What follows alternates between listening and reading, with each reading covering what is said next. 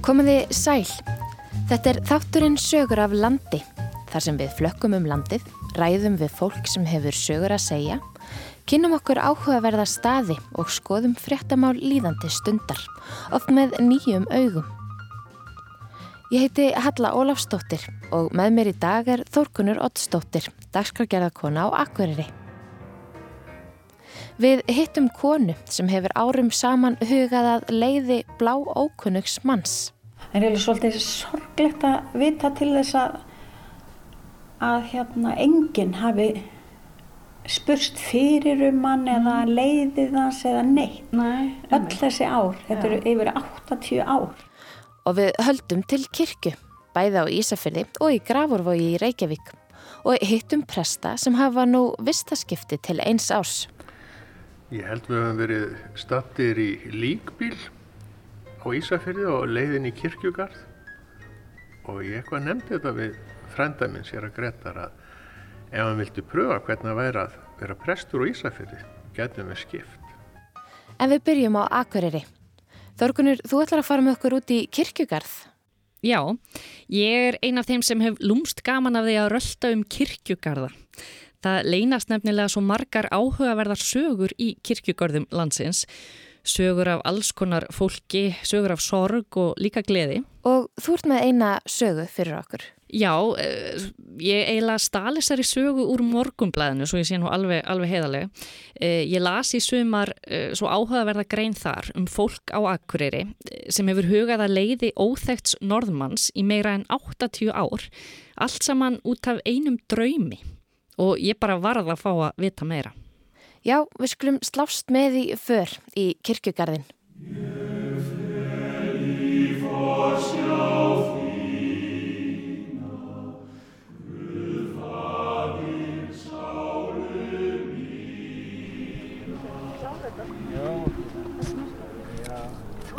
Hvernig vindur. Mjög skemmtilega að vera með snæðir enda svona eitthvað umhverfisvænt en Já, þurfum að tökum þetta bara. Það er fimmstega frost en snjólaust og fallegt um að letast í kirkjugarðinum á Akureyri. Ásta Eggersdóttir er komin í garðin á samt Hannesi eiginmanni sínum til að setja jólaskreitingar á leiði ástvinna sinna og líka á leiði manns sem þau þekktu ekki neitt. þetta er hann tryggvi minn. Já, hann kvílir hérna. Hann kvílir hér og hann er jarðaður 35. Býtu, hvað er hann gamall þegar hann, þegar hann, hann er deyr? bara 20 og hvað er Já, þetta? 25, 6, Já, já. 6 ára. Já, einmitt. Þetta er látlaus grár legsteinn og á honum stendur Tryggvi Evanger, Eggaspönes, Norge 1909 til 1935. Það eru sem sagt rúm 86 ár síðan þessi Tryggvi lést og allar göttur síðan hefur fjölskylda ástu séðum leiðið hans. Amma mín og sýstir eru hérna bara 8 metrum í burtu. Einmitt. Hún tó vöggudauða.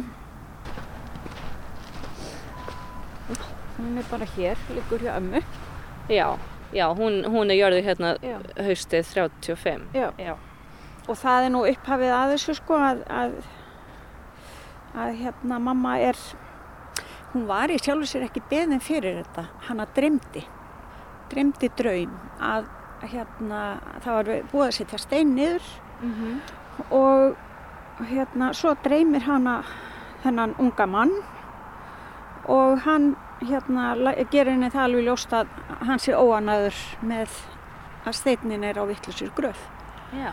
nema að mamma fer í umsjónum með garðsins og fær þessu breytt sem er hefst ó, með ólíkindum 1935 Og, og, og bara byggt á þessum draumi. en þá náttúrulega trú, trúði fólk á draumar Já, já. Þannig, var þá, var þá steinin á, á annari, á Já. öðrum stað sko. já, Já. já, og mamma hefur nú ábyggilega verið hérna með annað fótinn sko eftir að hún missi dóttur eða sýsti mína já, maður getur sagt sér það sjálfur já, já. Verandi búin að missa fyrsti, fyrsta barn þess vegna kannski hefur hann leitað hana uppi Já, einmitt, einmitt. Og, og bara allar göttur síðan hafið þið synt þessu, já, alltaf mamma bara sá um þetta eins og bara sín leiði og svo bara tók ég við og ég var svona eins og bara, já, gerði þetta bara.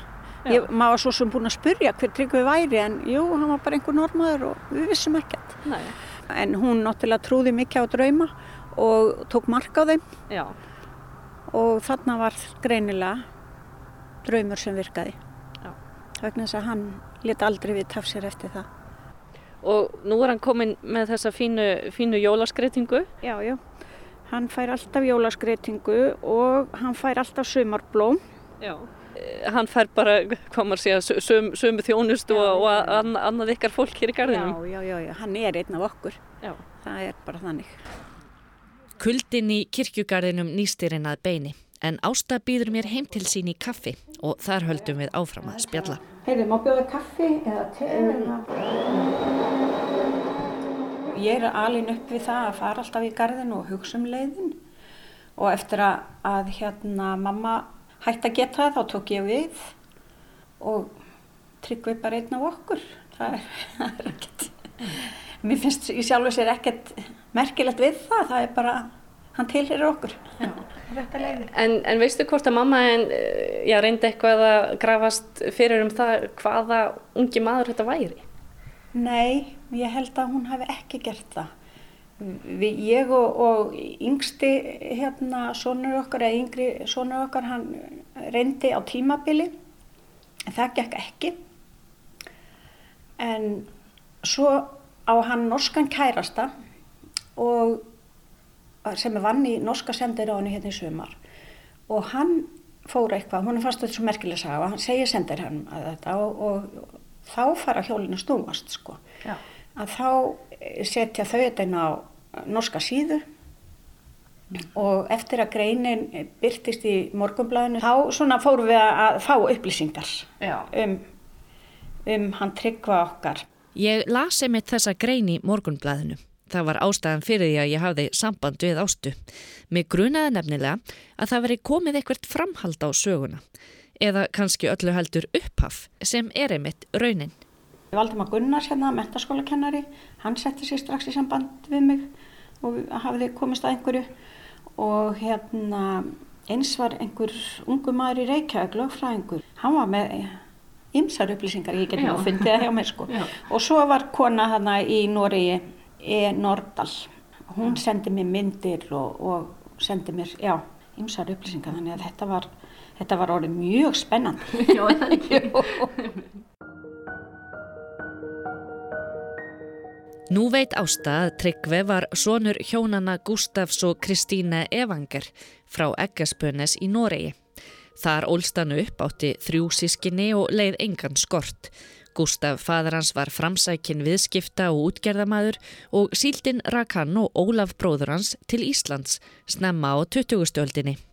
Þeir bræður voru stórhuga og reistu stærðarinnar síldarverksmiðju við austanverðan Siglufjörð, Evangerverksmiðjuna, sem eigðilagðist í snjóflóði árið 1919. Síðar reistu þeir síldarverksmiðjur bæði á dagverðareyri við Eyjafjörð og á Rauvarhöfn. Á Rauvarhöfn er Tryggva einmitt fyrst getið í kirkjubókum árið 1931 og árið 1934 er hann sagður lísisbræðslumadur þar. Heimskreppan leik viðskiptaveldi Evangar fjölskyldunar grátt og hún misti mikið af eignum sínum í Noregi og á Íslandi. Síldarverksmiðjan á Rauvarhöfn varð gjaldtróta og foreldrar Tryggva fóru af landi brott árið 1932. En eh, Tryggvi var þá orðin berglaveikur og hann eh, deyr hérna á hælinu í november 35. Já. Og, og hefur svo verið, já, jar, þá í kirkjugarnum hérna á Akureyri. Já, en það er svolítið sorglegt að vita til þess að, að hérna enginn hafi spurst fyrir um hann eða leiðið hans eða neitt. Nei, Öll þessi ár, þetta eru yfir 80 ár.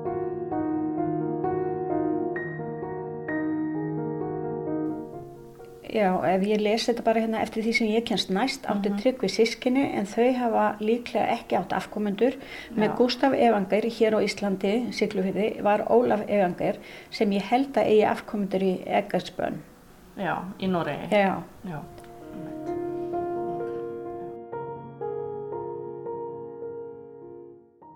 En getur þú sínt mér þarna þessa myndir sem þú fegst frá, frá Noregi? Þa, það var bara einhver kona sem að... Já hann var samband við mig. Já.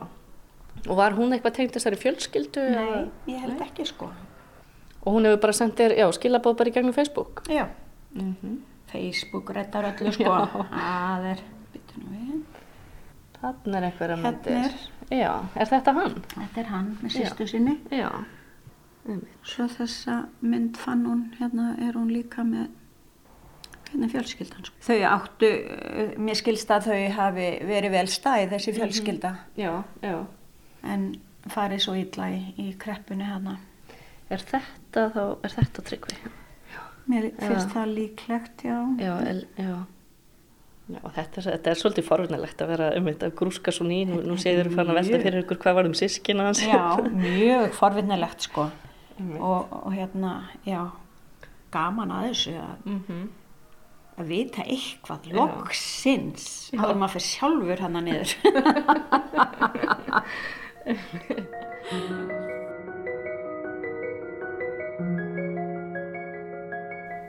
En, en hvernig, hvernig líður þér núna að vita svona aðeins meira um andryggva? Mér líður náttúrulega miklu betur með það sko, ég fæ alveg bara kökk í hálsin að vita eitthvað um hann Já. vegna þess að, að gegnum öll þessi ár þykir manni auðvitað vænt um þessa, þetta leiði allavega. Já. en mér finnst bara eiginlega sorglegt að að enginn viti, hans. En þarna er náttúrulega bara kottnungum að þessum deyr og margt sem gerist stríð og annað sem að Mm maður veit ekki alveg hvað. Nei, einmitt. En uh, hjá ykkur í fjölskyldunni það var aldrei komið til greina bara að, að já, þið hafið aldrei hugsað með ykkur eru hvað eru við að setja blóm og kerti á, á þetta leiði hjá þessum tryggva sem við þekktum ekki neitt, við erum bara að hætta þessari vittlisu. Nei, það er ekki bóði Nei. hann er tilherir okkur Já. hann fær sín sumarblóm hann fær sína jólaskreitingu og hann fær sitt kerti á aðfangadag og gamlastag en svo er, getur vel verið að núna vitum við hvenar hann átti amali Mhm. og hver veit nema við bætum því við Já. förum allan með kerti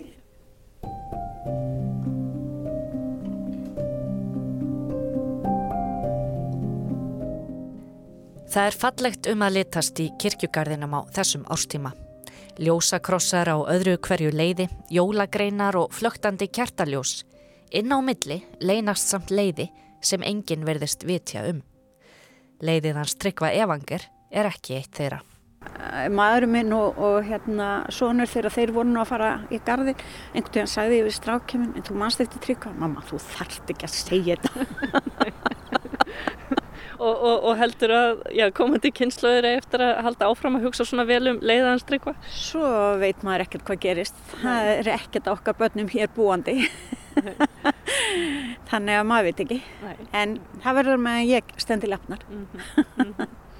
En uh, maður getur svona ímynda sér, já það er nú eitthvað svona notalegt að hugsa til þess að það sé einhver sem, sem já, hugsar um leiðin. Já, sko við viljum gera það með okkar fólk og, og ég ímynda mér að ef hann á ættingi á lífi að þeim þætti vænt um það. Já. Ég svona, já, ímynda mér það. Hugga mig við það. Þetta er allavega óbúslega fallegt hérna hjá ykkur núna, þessi, þessi jólaskreiting. Fær hann, fær hann ljós líka? Nei, hann fær ekki ljós. Nei. Það er, hérna, það er bara fóröldri okkar sem fór ljós. Einhvers það verður að draga mörkin.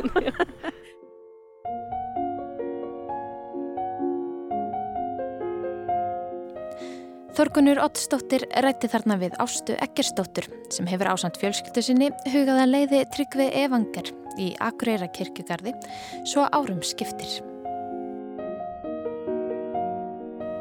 En frá Akureyri höldum við til Ísafjörðar og við ætlum að halda okkur inni frá kuldunum og hitta presta sem skiptum sókn til eins ás.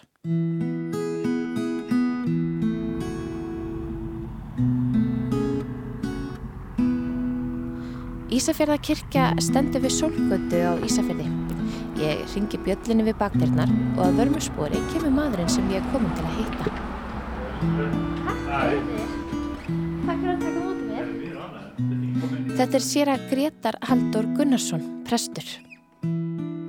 Pappi minn satt fættur og uppalinn á Ísafjörði og en hann flutti hérna frekar ungur, 20 ára gammal og núna mörgum ára setna þá fekk ég löngun bæði til þess að mynda tengsl við Ísafjörð og fólki mitt hér en jáfnframt fekk ég faglegan áhuga á því að vita hvernig verið að þjóna sem prestur utan höfubókarsvæðisins vegna þess að ég var víðu til prestur í Gráuskirkju hefur ekki annars stað starfað heldur enn á höfuborgarsvæðinu og uh, það var það sem gerði mig spennta fyrir því að koma hinga. Og þú og Magnús þið reynlega skiptuð. Já, sem ég og Séra Magnús, prestur í Ísafjörðarkirkju, við höfðum svo kvöldu vistaskipti og reglur þjóðkirkjunni gera sér þetta ráð fyrir því að vistaskipti séu möguleg ef báðar sóknarnendir samþekja það og biskup Íslands. Og uh, það sem sagt gekk eftir að uh, ég og Séra Magnús við fengum uh, leifi til þess að hafa þessi vistaskipti. Þannig að Séra Magnús er þetta árið í Grafóskirkju og ég hér við Ísafjörðarkirkju. Þetta er einhver að koma í heimsókn. Blessaðan daginn. Við... Heyrðu, það getur verið. Hún Túli, Túli er einmitt inn í, hérna, inn í eldúsi og þú getur spurt hana hvort að hún hafi séð hann og tekið hann til handagags. Þetta er svona baklið kirkjunar. Já, þetta er í rauninni, hér er safnarheimilið, eldúsið, þetta er gengið sér inn í, inn í safnarheimilið frá sólgutunni. Þetta er svona meira kvöndags ingangu fyrir fólki sem starfaði hérna og svona og fyrir kórin og fleiri. En við göngum hérna inn í kirkjuna að þá tekum við aðeins stærra og meira rými. Hér má sjá þessa fallegu altaris, þetta fallega altarisverk eftir Ólafur Nordal.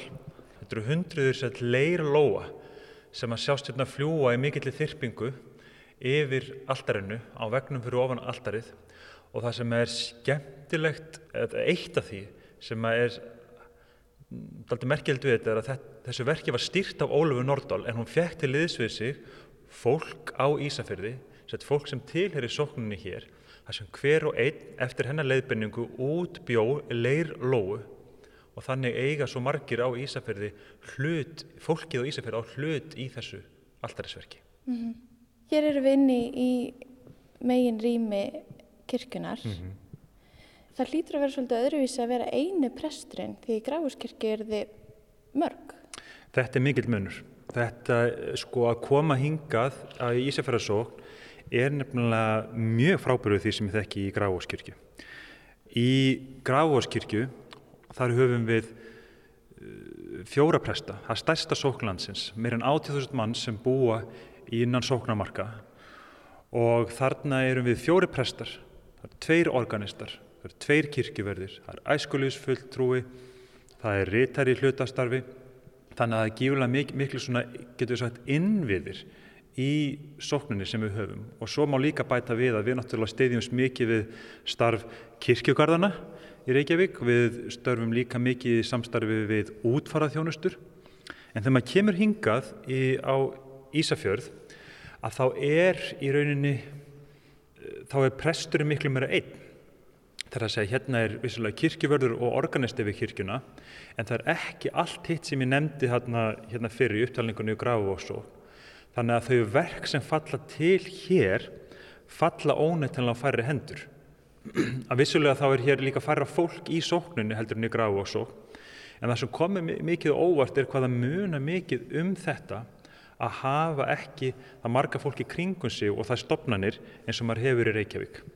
Þannig að svona, mað, maður fær miklu meiri á einirkja tilfinningu hérna heldur en maður gerir nokkuð tíman í gráinu. Já, ef að ganga áfram í gegnum kirkjuna. Gerum það, við göngum hérna í rauninu undir orgeli, það eru dyr þar sem leið okkur fram hjá skrúðhúsinu. Beðum hérna til hæri og svo til vinstru og þá löpum við sett upp tröppunar þar sem eru skrifstofa pressins og skrifstofa organista og aðstæða fyrir kórin.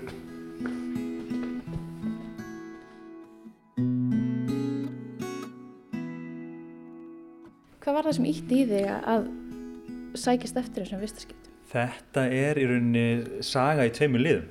Hún byrjar í rauninni þegar að sett afi minn, Haldur Hermansson, fjall frá árið 2020, snemma árs. Og sett hérna, bjóð alltaf hérna á Ísafjörði og útföruna sátt að verða. Og ég og Sera Magnús saman sáum um útföruna og uh, þegar við vorum saman að undirbúa það þá tókum við spjall saman.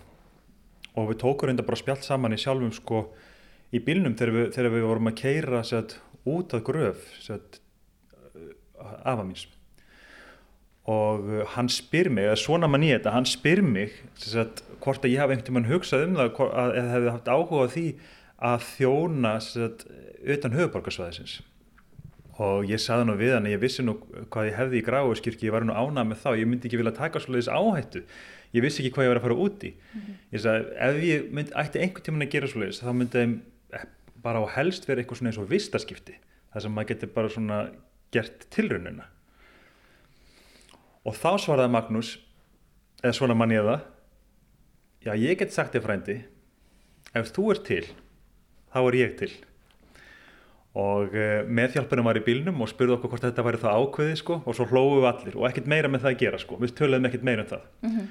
COVID kom skömmu setna þetta var líklega hérna, fyrstu dagar í februar 2020 og við hugsaðum ekki meira um það en það var undarbil árið setna að þá í einhverju COVID ládeiðinni þar sem að í rauninni var ekkert að gerast bara kirkjöld starf lág svo mikið niðri út af því. Og þá segðat í einhverju samtali millir mín og konunum minnar að þá einhvern veginn bublar þessi, það sem við erum bara að spjalla um framtíðina það bara kemur þessi hugmynd aftur upp á yfirborð og við ákveðum að sjá hvort að það sé í alv hafi í alvörunni verið áhuga bakið þessu þetta sem var sagt svona í lettleika og gríni hérna. Mm -hmm. og ég ringi í Magnús og spyr hann að því. Og hann segist fyrir tilbúin og hefði áhugað því að, að, því að, því að hafa gerast lík vistaskipti og þá settum við rauninni á stað sett aðtöfunina í rauninni þar sem við töluðum við, við hérna, ég talaði við kollega mína og sóknanemnd og, og fleiri og, og, og þannig, þannig gerðist þetta En hvað með fjölskylduna eina? Voru þau líka jafn til í þetta og þú? Kona mín er alltaf til í eitthvað svona skemmtilegt sko. Og var mjög fljótt til og, og fekk ótrúlega góð viðbröð hún starfaði sér satt fyrir hérna, starfaði fyrir samgönguráðanundið og uh, þar var óbúslega vel tekið í það og hún myndi starfa hér í eitt ár. Þannig að hún var strax til í þetta. Börnunum brásaldið, sérstaklega eldri með þrjú börn sko. Hérna tvöður að þau voru 10 og 5 ára þegar ég sagði þeim þetta. Þannig að annað er að þetta að fara að byrja í skóla næsta haust og eitt og bara verið 11 ára á sama ári. Fyrstu viðbrið voru ekki svo jákvæð sko en það börn er ekki trefin svona af miklu breytingum til að byrja með en uh, það hefur bara gengið alveg glimrandi fyrir þau að koma henga sko og líður vel. Já, en þetta lítur líka að vera mikils virði fyrir þig verandi hérðan Já, það er það sko. Pappi flytur hérna um tvítugt en eftir sem áður þá býr svo mikið af fólkinu mínu, föðufólkinu mínu býr hérna áfram. Við höfum haldið tengslum en ég hef alltaf, við höfum lengi langa til þess að, að hérna fletta þau tengsla ennþá betur. Og þetta var bara gullið tækifæri til þess að gera það. Koma hingað og svona öðlast dýbri tengingu við Ísafjörð og við fólkið mitt hér. Mm -hmm. Heyrum að önnur á tveimur flugvölum er að fljúa hérna yfir. Ójá Það hlýtur líka að koma upp í messuhaldi og, og Flýið kemur upp í messuhaldi ímsan hátt sko, til dæmis hérna með hérna, útför núna á fössudaginn síðasta þá allt ína rétt fyrir minningar orð, þá storma inn, ég minna að það verið fjóri menn séu sko. Og sem ég fekk að vita setna þeir eru alltaf að taka flýið og flýið hefði ekki náð inn fyrir nákvæmlega þessum tíma mm. þannig að þeir rétt náðu inn í útförunum fyrir minni, minningar þannig að já, flý, flýið er mikið rætt hérna á Ísafjörðu og það er eitt af því sem hefur komið mér óvart er það uh, hversu óáreiðanleg samganga flýið er hérna og samgangur yfir leitt það er unni, maður, maður sér það sko, það er erfitt að gera langtíma állin að vara þetta ferðalög hér á Ísafjörði, komið mér svolítið óvart. Þó, ég, þó, þó það ætti ekki að hafa gert það því ég hef oft heyrt um það þegar maður reynir það á eigin skinni þá er það öðruvísi, þá er það öðruvísi sko. en hvernig er svona starfið frá degi til dags öðruvísi? Hérna er maður meira að sinna ymsum þáttum svona frá golfin og upp. Ef ég ætti að orða einhvern veginn þá er svona þá er maður meira maður er að sinna fleiri starfsþáttum og svona hverstagsleiri svona allt frá hennum einfaldast og hann ég man einhvern veginn þegar ég var hérna með fyrsta sko kirkjuskólana mína til dæmis hérna, það eru tveir kirkjuskólar, annar í Ísafjörði kirkju þetta er reykingu að þekka þetta betur sem sunnundagarskóla, en hérna er sunnundagarskólan er á virkum degum og heitir kirkjuskólin og þegar ég var undirbúið til dæmis kirkjuskóla í, í Nýfsdal eða í, hérna, í Ísafjörði kirkju þá fólst það til dæmis í því sko ég þurfti að, að, að raða stólum kaupa kaffi, kaupa djús, kaupa keks setja upp keks, brenda út myndi til að lita, gera liti tilbúna undirbúið efnið, setja upp dagskrána og svona þannig að undirbúningurinn sem ég þurfti að vera með var svo miklu, var svo miklu meiri og svona eins og segi frá golfinu og upp. Meðan í Gráaskirkju að þá erum við um, út, af, út af starð sóknarinnar að þá er okkur gert kleift að vera með, með starfsmenn æskulís fulltrúa. Mm -hmm. sem að sem að sjá um svo mikið, mikið þátt æskulistarfsins og bera hann í rauninu uppi. En hérna þá er ekki ráðist líku þannig að presturinn þarf að sér um sett æskulistarfið og þar er rauninu að sjá um það svona alveg frá grunni sko Já, það er mikil munur á starrið sóknarinnar mm -hmm. þannig að þegar hólminn er komið þá finnur ekkert endilega fyrir því eða hvað Nei það er svo áhugavert sko þetta er nefnilega þetta er, uh, það hefur lengi verið svona smá samtala stundum kannski smá ríkur millir presta sem starfa utan höfuborgarsvæðins og þeirra, starfa, þeirra sem starfa á höfuborgarsvæðinu. Þeir sem starfa á höfuborgarsvæðinu bend á það að það sé miklu fleira fólk per prest í Reykjavík heldur en sé á landsbygðinni. Þannig til dæmis uh, eru miða við að þessu 4-5.000 manns per prest í Reykjavík á meðan til dæmis í sumu stöðum á landsbygðinu þá eru þau bara einfallega miklu færri. Þú veist það eru 2500 manns eða jæfnvel alltaf í 800 manns per prest. Þannig hafið margi giskað á að það sé með einhverjum hætti auðvöldur að vera prestur á landsbyðinni. En það er ekki alveg svo einfalt ef við komum stað út af þessu að þarna er ekki reiknað inn í það að hérna til dæmis á Ísafyrði þá erum við ekki með sérstakka útfærað þjónustur. Við erum ekki með sérstakka kirkigvarða. Við erum kirkigvarðarnir og útfærað þjónustan. Og það er ekki ráð á vegna mannfæðar, vegna þess að, að það kom, kom ekki eins mikla tekjur að því að það er að fara fólk að þá er ekki ráða því að ráða einn smart fólk með þeim sem starfa hérna, prest og organista og kirkjuverði til þess að sjá um starfsættina. Þannig að þetta hefur áhrif og gerir það verkum að það, það eru ákveðin verk sem þarf að vinna allstæðar en hérna eru færri hendur til þess að vinna þau verk. Mm -hmm. Þetta er eitthvað sem ég hef átt að maður eftir að koma að hinga og verið mjög faröfnilegt. Já verður nándin við samfélagið meiri líka? Það er málið, það sem er áhugavert hér þegar ég kem hingað og ég finn, ég finn munin hér er miklu meiri tilfinning fyrir því hver sóknin minn er og hvaða fólk það er sem ég er að þjóna. Og manni finnst eins og það ætti kannski ekki að þurfa að vera þannig en í Grafavegi til dæmis búa meira en 80.000 manns. Og svo vitum við það hvernig öll hverfi Reykjavík svolítið renna saman í hvert annað. Þannig að þegar ég hitti manneski í grafvóinum þá get ég alls ekki verið vissum það að manneskinn sé einu svona úr grafvóinum. Og þannig er það meira að segja þegar fólk kemur til mín og ætlar að byggja um kirkjulega þjónustu hjá mér og ég fyrir að spyrja þú að taka niður upplýsingar þá kemur ofti ljótildamiss að þarna er kannski fjölskyld úr gardabænum. Og uh, þau vilja fá prest úr grafvóinum til þess að vera með aðtöp sem áfara fram í hafnafyrðinu. Og þannig er miklu minni tilfinning í Reykjavík fyrir því hvaða hvaða garð akkurat þú ert að sá í en hérna á, á Ísafjörði þegar ég hitti fólk að þá vænt ég þess að ég sé að fara að hitta það aftur. Og uh, þess vegna þegar ég hitti fólk þá er ég miklu líklega til þess að muna nöfnum þeirra og gera ráð fyrir því að ég muni hitta þau aftur og hef tilfinningu fyrir því að þetta fólk tilheri mér með öðrum hætti. Þar að ég hef tilfinningu fyrir því hvað hvaða fólki ég er að sinna. Að meðan í Reykjavík þá þá eru sóknamörki miklu óljósari sko. fólk leita sér kirkjulegar þjónustu þvert yfir öll svona sóknamörk meðan það er reynda ekki að gerast hér sko.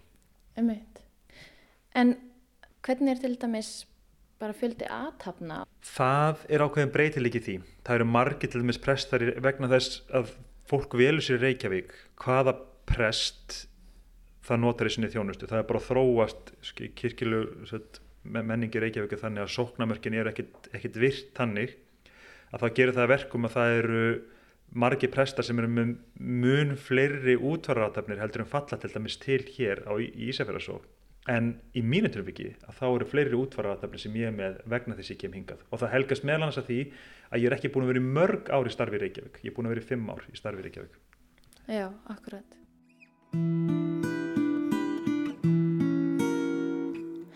Við skiljum við sér að Gretar um stund og höldum til höfuborgarinnar, nánar tiltekið í Gravarvók. Sæl. Sæl, ég leita sér að Magnúsi. Hann sýður þannig við sefnaðarsal. Ég finna þar. Takk. Ég er búin að finna sér að Magnús Erlingsson í Gravókskirkji í Reykjavík. Nú þurfum við eiginlega að fá að vita þína hlið á, á þessari sögu, hvernig það kom til að þið Gretar skiptið um kirkju. Ég held við höfum verið stattir í líkbíl á Ísafyrði og leiðin í kirkjugarð og þá held ég að hafi eitthvað nefnt þetta við hann svona menn tala nú oft eitthvað sama með að þeir að keira í garðin. Ég skipti nefnilega einu sinni fyrir mörgum árum við Örd Bárð Jónsson sem er ísfyrringur. Þá kom hann og var í tvær vikur á Ísafyrði og ég prófaði að vera í Neskirkju í tvær vikur og ég eitthvað nefndi þetta við frænda minn sér að Gretar að ef hann vildi pröfa hvernig það væri að vera prestur á Ísafyrði getum við skipt. Hvað hefur verið lengi prestur á Ísafjörði? Ég hef búin að vera þar í 30 ár. Komum þarna höstið 1991 og ætluðum að prófa að vera í eitt ár og svo líka okkur bara vel og það bættist annað ár og, og svo áður maður að veita þá eru komið 30 ár og börnin farin að heiman og svona, þetta er svona bara gengur lífið. Já. En höfðu þið tengsl við Ísafjörð? Já, amma mín og afi áttu heima á Ísafyrði og, og ég ásvoldi frændfólk þannig að ég hefði komið þangað meðan þau voru, byggu þarna og, en ég hefði nú ekki komið þarna í, í einn 15 ár þegar ég eh, svona ákvaða að prófa að fara þarna vestur og, þá vantaði prest, það hefði enginn sóttum og, og ég ákvað svona að slá til og, og prófa. Þú hefur verið kottn ungur. Hafður verið prestur annars það? Nei, ég hafði reyndar bara unnið á biskustof eftir ég útskrifast, vann þar í nokkur ár, Já, eftir ég útskrifast á Guðfræðitildinni. um veit. En þessi 30 ár, þú hefur verið einn, vendarlega, allan þann tíma. Hvernig var eins og, hvernig er viðveran? Ferðu einhvern tíman í frí, er eitthvað sem leysið þig af? Já, nágranna prestar leysa mig af ég fyrir sumafrí og svona og fyrir frí mm -hmm. mig frá. Já, Þannig að það hefur alltaf til verið þannig en, en þegar maður er á staðnum þá er maður náttúrulega alltaf á vakt eins og það heitir. einmitt. Þá er þetta að ringi í mann. Já. Já, já, þannig að En hvernig hefur þið fundist að koma inn í þessa stóru sókt sem Grafavókssókt er? Já, ég, ég upplifa hann ekki stóra. Nei, þótt þetta sé, þetta er fjölmennasta er landsins, já, já, já, já, það er það. um, nema þegar við fórum með fermingabönnin í vatnaskó, Já, uh, því við náttúrulega kennum þeim í hópum, sko, svona 26-30 bönn í hóp. En svo þegar við fórum í vatnaskó, þá fórum við ekki öll, vildi ekki öll bönnin fara, en, en þarna voru yfir 120 bönn. Og það var eiginlega valla pláss í matsalnum, sko. og háfaðinn var verður. þá fannstu fyrir Já, starfinu. þá fann maður fyrir stærðinni, já, já, þannig að, en, en það er ekki, og það er eitthvað eins og skrítið með kirkjuna hér, þessa fallegu kirkju, að maður finnur ekkert mikið fyrir fjöldónum, vegna svona svo breið kirkja, Já. fólki, það situr tildulega nálagt alltærinu, það er ekki fyrir maður fer að telja, sko, þá sér maður hvað er mikil fjöldi. Já. Það er bara ágætt messusókn hérna, það er bara gott að vera hér, já, já. En hvernig hefur starfið þitt verið öðruvísi hérna í Gráfuskirkju? Hvað hefur helst tekið eftir að er, er bara ólíkt frá degi til dags? Ég finnst alveg miklu minna að gera og ég þarf nefndi geta notað þess að lesa bækur og svona í meira mæli en, en nokkur sinni fyrr. Já, Eh, jú, það er nú tölvist rólegar að vera hér. já. En, en gildir það um alla prestana? Hvað þeir eru fjórir prestar? Það eru fjóri hérna? prestar, já. Nei, ég hygg nú ekki, að sinna meira að gera hjá hinnum prestónum. Já, Það er nefnilega, uh, þetta er auðvitað persónlega þjónusta. Þetta er svona, þú, eins og með tannlæknirinn, sko, þú fer til tannlæknirinn sem þú þekkir og, og það er eins með prestin, þú tala við prestin sem þú þekkir, sko. Þetta er eins og þegar ég leisti örbárð af, þá ringdi þarna maður, hann vildi fá skilnað og spurði eftir Ernibárði að því hann þekkti hann. Og ég sagði, nei, Örn er nú ekki við, hann er á vestur og Ísafyrði, en ég er hérna ef þú vilt. Og þá hugsaði maður sem sagði, nei, ég held ég býði, hvernig kemur hann annars aftur? Ég sagði, eftir hálfum og já, ég býð bara, sagði maður. Hann hefur kannski verið búin að gifta lengi og muna ekki um þess að tvær vikur. Já, já, þannig er þetta, já.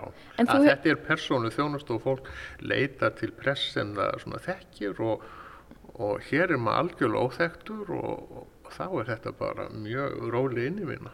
Já, en kannski gefist tóm til þess að, rækta þættir sem að þú hefur ekki Já, já. náða að rækta í. Já, já, það er það. Þannig að maður hefur tóm, þetta er fyrir mig er þetta svona ákveðin endurmettun, Já. þessi vetur. Akkurat.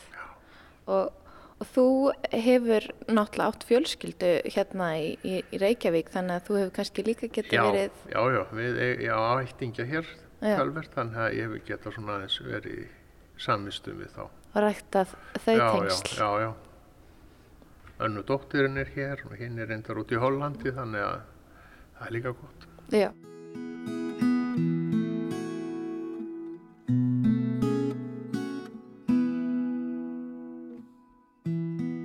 Þú varst búin að vera í 30 ár. Hvernig var að taka sig upp og, og, og í rauninni flytja? Já, það, já, það var náttúrulega til þess að maður fór í svolítið tiltækt svona og maður sá hvað maður hefur safnað að sér að allskynst dóti á tímanum. Uh, og auðvitað er mjög mikið að dóti sem maður nær sér í og er oft óþarfi. Já. Uh, já, náttúrulega alltaf mikið á bókum, sko. um, Sem þú hefur núna tíma til að lesa? Já, sem ég er núna tíma til að lesa reyndar, já, já. Um, ég hef svona áhuga því að fara í bókabúður, sko. Já. Og ég hef reynda líka áhuga að fara í vínbúðin og kaupa rauðvín og svoleiðis. Og konar mín segir að ég hafi einmitt valið mér starf, eina starf í heiminum þar sem á borðinu er bók og messuvín. Þannig að þetta er nú það sem prestarfið er, já. En það hefur uh, örglega margt breyst á þessum 30 árum sem þú hefur starfað þannig að þú hefur kannski líka getað séð aðeins breytingarnar á, á svona með því að fara í gegnum dótið þitt og Já, ég, allir það sem, sko það sem hefur kannski mest breyst á 30 árum er ég sjálfur. Að eh, með aldrinum þá verður maður held ég rólegri og umburðarlindari og maður er ekki með eh, það í sér að maður þurfa endilega að sanna sig eða ná einhverjum árangri. Þannig að maður fyrir að horfa öðruvísi á tilvöruna sjálfansi og náttúrulega annað fólk. Þannig að að sömuleiti held ég að maður verði stundum betri manneskja með árónum því að maður býr þá að lífsreynslunni og, og það sem er sko gott við prestarfið er að maður er svo mikið með allskins fólki. Og þá og maður þroskast að því að vera með fólki í gleð og sorg og, vanda og velgengni og að þá eh, breytist maður sjálfur. Já, ha, og þannig það er mjög gefandi að vera prestur. Mæli með því svona ef ykkur er að leita sér að háskólanámi.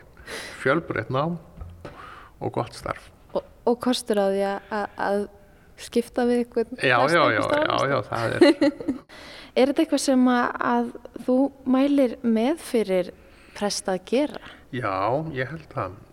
Ég held fyrstulega að sé bara gott fyrir okkur öll í saman hvað starfi við erum að breyta til.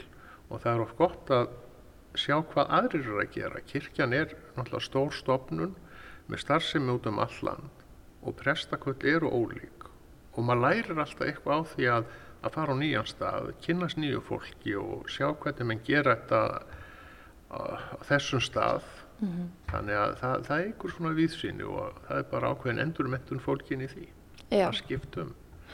Og þurfa kannski ekki endilega að finna alltaf upp hjólið svolítið sem maður gerir Nei, þegar nei. maður er einn. Já, það er eitt líka náttúrulega gott. Hér gengum við inn í ákveðna rútinu bara. Tekur það sem að gagnast og Já, já, og lærir eitthvað af því. Já. já, akkurat. Vísi er þetta náttúrulega svolítið óvennilegu tími fyrir okkur báða því þetta er náttúrulega COVID-tími og, Já, og svona ímislegt sem ekki er hægt að gera einmitt. og það er svolítið skrítið að hugsa til þess að nú eru konir tvennir páskar og, og tvenn jól þar sem maður hefur ekki svona messa haft opna messu heldur bara gert eitthvað á netinu það er, það er svolítið undarlegt ég hef aldrei trúað því að slíkur tíma eftir eftir að koma að hann bara sæti heim og jól Já. Þetta ár til að skipta hefur náttúrulega kannski ekki alveg ge gefið raunsanna mynd að... Nei, kannski ekki. En það var náttúrulega eh, mjög góður tími hér í haust. Þá heldum við að við værum að verða laus við þessa pest og en svo kemur þetta og nú hellist þetta yfir okkur hér á aðvendunni því miður.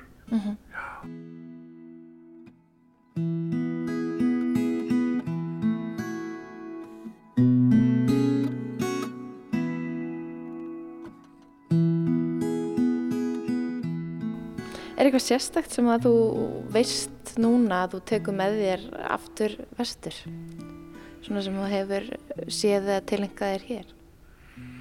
Já, ég náttúrulega hef svolítið lært hér af hinnum prestunum. Ég, eins og hvernig skipulagningin er, hún er nokkuð góð hér því hér vinnur fullt af fólki. Það eru fjóri prestar, það eru tveir organistar og það er sérstökur kórstjóri fyrir barn- og úlingakórin og það er fólk sem sér um, um barnastarfið og tveir kirkjuverðir, einn rítari þannig að þá sér maður svona hvernig já, já það, er, það er góð stjórnun á þessu og góð sefn, það það er mjög gott að vinna hér. Já, mjög gott samstarfsfólk og góður starfsandi þannig að maður læri svolítið að því, já.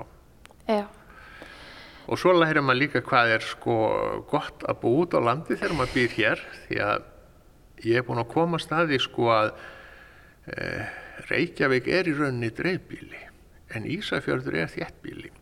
ég skal útskýra þetta nánar. endilega. Sko á Ísafjörði þá get ég gengið í vinnuna og ég get gengið farið til læknisins gangandi og vesla, ég get gert allt með því að gangi tíu mínútur. Hér þarf ég að fara allt á bíl og það tekur yfirleitt hálftíma að komast á hvert stað. Þannig að það er alveg augljóst að þetta er dreifbíli. Það er bara eins og byggir í dýraferði Já, þetta er svona svipað, sko, já, þetta er... og, þurftir að, og, Já, já, og innir í kirkjuna á Já, Ísland. þetta er eitthvað svolítið, sko. Þannig að ég sé það að, að þetta er raun dreifbíli að vera hér. Já. Það er allt svo dreift. Getið þú hugsað að vera áfram í Reykjavík? Held ekki, ef ég hafa verið alveg hreinskil. en auðvitað getur manni liðið allstaða vel, sko. Það er ekki það. Nei. Já, já, en, en ég held ég myndi nú frekar vilja kjósa að fara aftur vestur, Já, eins og tilstendur. Svo. Já. En reynslunum ríkari. Já, já, reynsluðun ríkar. Þakka þér kærlega fyrir spjallið sér Magnús Erlingsson. Sömulegðis, takk fyrir.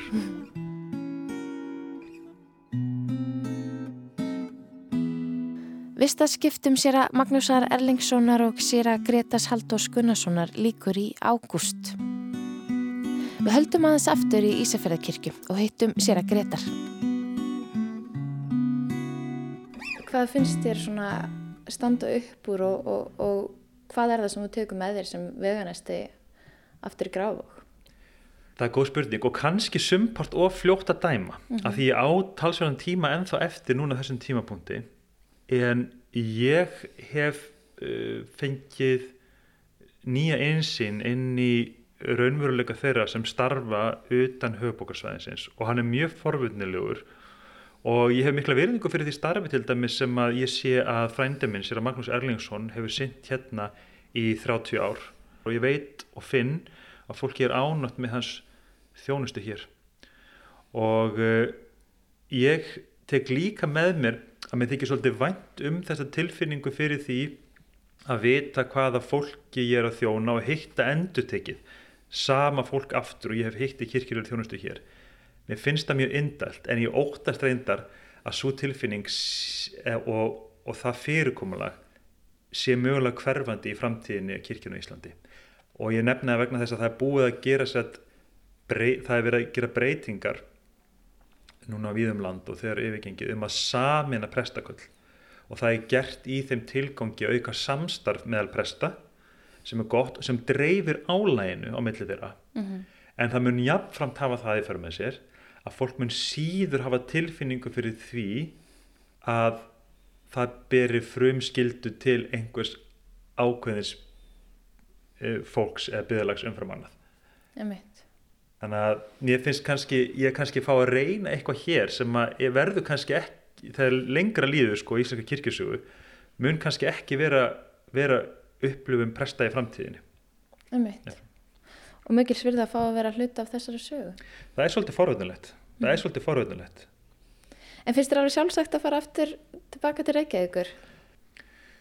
Sko þetta er yndislegt að fá að koma hinga en það var bara partur af dílnum sko gagvart öllum sko gagvart börnunum gagvart hérna vinnustöðu kólunum minnar og svona og reglunni gera bara ráð fyrir eins og svistaskiptum þetta, þannig að það var alltaf vita að það yrði, að það yrði bara í eitt ár hins vegar er það þannig sko ég heyr alveg frá til dæmis eins og, eins og stelpunum minni sko hún sem var að byrjaði í skóla hér á Ísafyrði og er búin að eignast fjöldunallega vinkonum sko ég heyr alveg á henni að hún hefði að vera henni algjörlega meinalösi að halda frum að búa hér sko Mhm.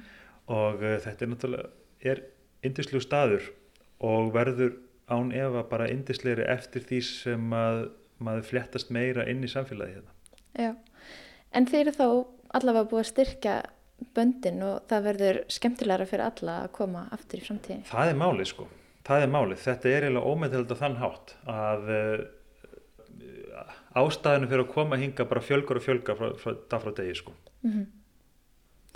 Þakka þér fyrir spjallið, Gretar, og, og gangiði vel.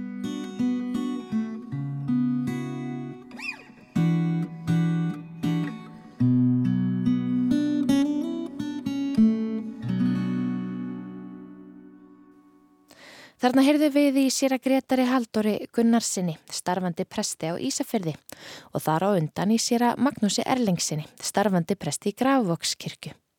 En þeir hafa nú vistaskipti. En það komið að lokum hjá okkur í sögum af landi.